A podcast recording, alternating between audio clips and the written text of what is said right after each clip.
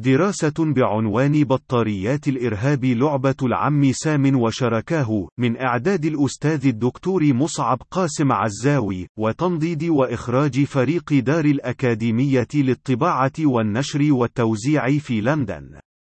ظلت الحكومة البريطانية منذ نهاية الحرب العالمية الثانية مقتنعة بذرائعيتها الشاملة عمقا وسطحا، بأن خيارها الأوحد للبقاء في منصة صناع القرار العالمي، هو الالتحاق التابعي للولايات المتحدة، بالشكل الذي وصفه أحد السياسيين البريطانيين بأنه كما الذيل الملتصق بظهر كلب ذئبي مسعور يتحفز للانقضاض على الكون الكون بأسره، وهو الأمر الذي أفصح عن نفسه بشكل عياني مشخص لا يقبل التأويل في أحابيل توني بلير واختلاقاته لأكاذيب إمكانية نل أسلحة التدمير الشامل في العراق الجريح بعد حصاره المر منذ كارثة حرب الخليج الثانية في العام 1991 من العاصمة لندن في دقائق تمهيدا لغزو العراق في العام 2003 وتحويله لمستنبت زرعي للخبث الداعشي وما استتبعه من مئاس وفواجع لا يبدو أنها آفلة في المستقبل المنظور. وفي آخر تفتق للحكومة البريطانية عن أي مدخل لإثبات جدارتها في لعب دور التابع ذي الانضباط الحديدي، قررت تقليد قرار الحكومة الأمريكية في منع المسافرين جوا من معظم الحواضر العربية والتركية، من حمل أي من الأجهزة الإلكترونية التي تتجاوز أبعادها أكثر من 16 ضرب 9 ضرب 1.5 سمن، وهو ما يعني كل الحواضر الحواسيب المحمولة، والحواسيب اللوحية بأشكالها المختلفة، معهم إلى قمرة المسافرين، واشتراط حزمها في الأمتعة المشحونة مع ناقلهم الجوي، استنادا إلى مزاعم إدارة ترامب باحتمال قيام مجموعات إرهابية بمحاولة تهريب مواد متفجرة في تلك الأجهزة الإلكترونية،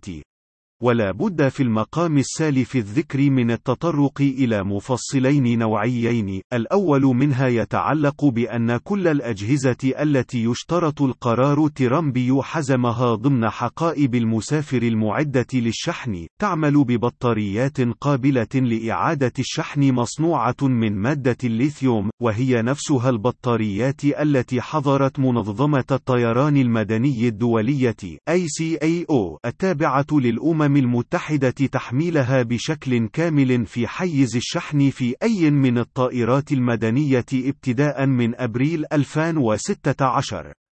لعلة اعتبار تلك البطاريات تشكل خطر حريق حقيقي عند تعرضها لانخفاض في مستوى الضغط الجوي يؤدي إلى تفتقات صغرية بين الحواجز الداخلية في البطارية التي تفصل جزئيات معدن الليثيوم فيها عن الأوساط الشاردية الأخرى في البطارية مما يؤدي إلى فعل دارة مقصورة. short circuit ينتج شرارة قد تؤدي لاحتراق البطارية العملية نفسها، وهو ما قد يؤدي إلى حريق شامل في حيز شحن الأمتعة، ومنها إلى كل الطائرة،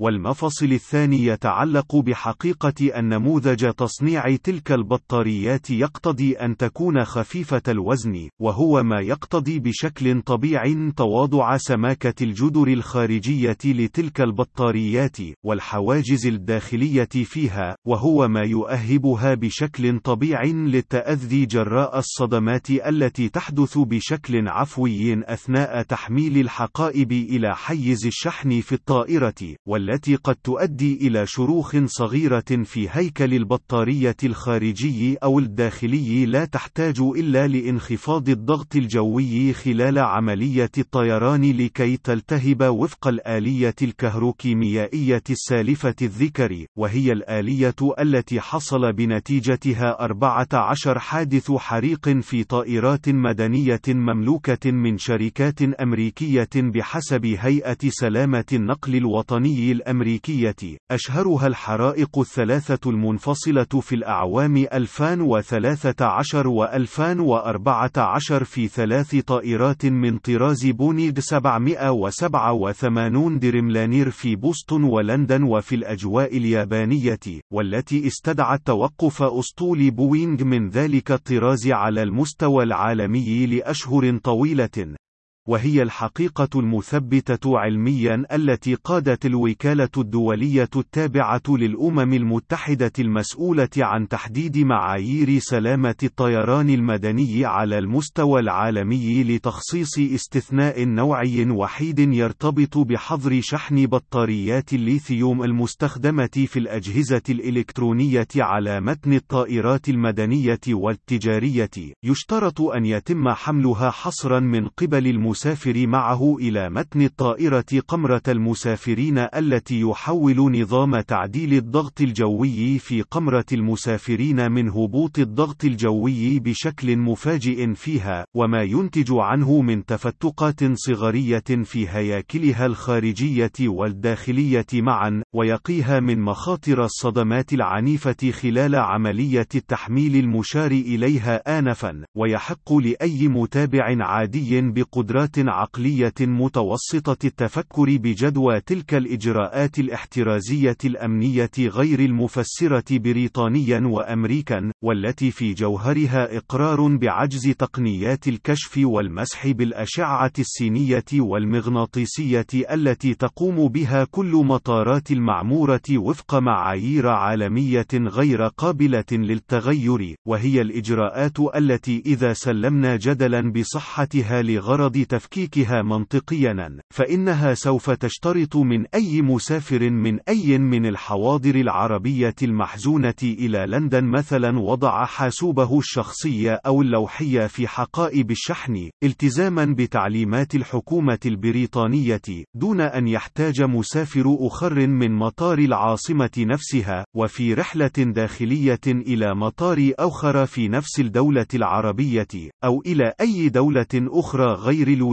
المتحدة أو بريطانيا من القيام بنفس الشيء، وهو ما يمكن ذلك الأخير من أخذ الحاسوبين الشخصي واللوح العائدين للمسافر الأول معه في حقيبته إلى فسحة الترانزيت، ومن ثم إعطاؤهما باليد إلى ذلك الأول الذي ليأخذهما معه إلى متن ركبه الطائر الذي وجهته العاصمة لندن، بعد أن تجاوز كلا المسافرين حواجز التفتيش التي يفترض القرار الأمريكي البريطاني عجزها البنيوي الكلياني عن الكشف عن المتفجرات المهربة في الأجهزة الإلكترونية المحظورة، لتكتمل المؤامرة ودون تعقيد كبير، وهو ما يشي وفق منهج سقراط الاستقرائي الذي مر عليه ألفيتان أو أكثر القائل بأنه يكفي مثال واحد مخالف لجوهر نظرية ما لدحضها ببطلان السبب المنطقي المبرر للحظر إن كان فعلا هناك سبب منطقي من خلفه. تحتاج الحكومات الأمريكية والبريطانية إلى ما يبرر سلوكها الوحشي تجاه العرب والمسلمين والتجييش المستمر ضدهم لحرف أنظار شعوبهم المقهورة عن حقيقة تحول تلك الحكومات إلى قائم بمهمات تصريف أعمال الشركات الكبرى العابرة للقارات التي لم تعد معنية بدفع أي ضرائب في الولايات المتحدة وبريطانيا، وانتقال أعباء التمويل الحكومي إلى كاهل طبقاتها العاملة التي تئن تحت وطأة ديونها المتكاثرة إلى درجة تقارب المستوى الذي وصلت إليه قبل الانحسار الاقتصادي العظيم في العام 2008 في نذير شؤم مبين لما هو قاب قوسين أو أدنى من كارثة اقتصادية كونية مهولة، ولا أفضل لتلك الحكومتين من اختلاق نبوءة سياسية ترامبية تحقق نفسها حينما تنفجر طائرة قادمة من إحدى الحواضر العربية أو الإسلامية بسبب إلزام مسافريها بحزم أجهزتهم الإلكترونية وبطارياتها في أمتعتهم المعدة للشحن، ليأتي بعدها دور دور وكالات المخابرات الأمريكية والبريطانية في البحث في قوائم المسافرين في تلك الطائرة المنكوبة لإيجاد اسم عربي أو مسلم ليصير مسؤولا عن الحادث الإرهابي الذي أدى إلى انفجارها، وإن لم يوجد فلا ضير من اختلاقه كما كانت الحال في اتهام وليد الشهري بالاشتراك في عملية اختطاف الطائرات المستخدمة في أحداث الحادي عشر من سبتمبر وهو لا يزال يعيش بين أهله حيا يرزق وقد يستقيم لمراقب عربي حصيف أدمن اشتراع الحزن العربي المقيم النظر إلى تلكم الحكاية بأنها ليست سوى فصل جديد في لعبة العم سام وشركاه في صناعة الإرهاب والإرهابيين عنوانها بطاريات الإرهاب التي لا تنتظر فقط سوى أوان تفجرها لندن في الثاني من ربيع الثاني 2017